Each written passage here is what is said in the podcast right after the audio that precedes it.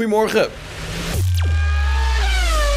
De FIA heeft middels haar welbekende documenten tekst en uitleg gegeven over de beslissing om zowel Max Verstappen als Sergio Perez geen straf op te leggen.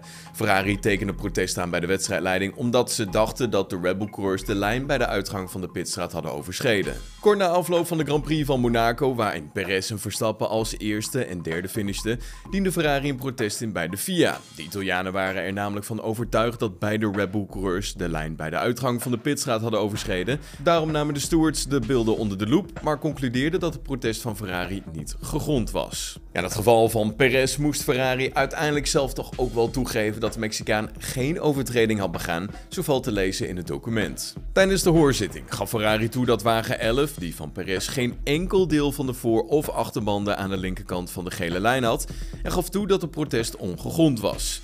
De stewards kwamen daarom in dit geval dan ook vrij makkelijk tot een oordeel. Het protest wordt daarom afgewezen. Het document van Verstappen is een stukje langer, maar ook daar komt men uiteindelijk tot de conclusie dat er geen regels zijn overtreden. De FIA hoorde zowel het verhaal van Ferrari als dat van Red Bull aan en samen kwamen ze tot de volgende conclusie. Alle partijen zijn het erover eens dat wagen 1, die van Verstappen, delen van de voor- en achterbanden aan de linkerkant van de gele lijn hadden. Alle partijen zijn het er ook over eens dat merendeel van de voor- en achterbanden op de gele lijn waren. Het protest wordt daarom afgewezen en de kosten voor protest worden verbeurd verklaard. Ja, goed nieuws dus voor Perez en Verstappen. En diezelfde Perez heeft ook gereageerd op de contractverlenging. Want gisteren zou hij zich hebben versproken voor de draaiende camera's tegenover Christian Horner dat hij te vroeg had bijgetekend.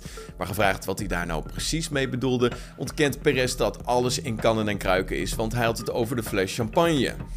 Oké, nou Verstappen voegt daar vervolgens aan toe. Wat je vandaag gedaan hebt zal wel een beetje helpen. Een klein beetje dan. Lewis Hamilton kon zich niet vinden in het besluit van de FIA om de start van de Grand Prix uit te stellen. De FIA koos ervoor om te wachten met de start van de race, want er was tijdens het weekend nog niet eerder onder natte omstandigheden gereden. Toen het voor het eerst begon met regenen, hadden we kunnen starten, maar toen ging het ineens heel hard.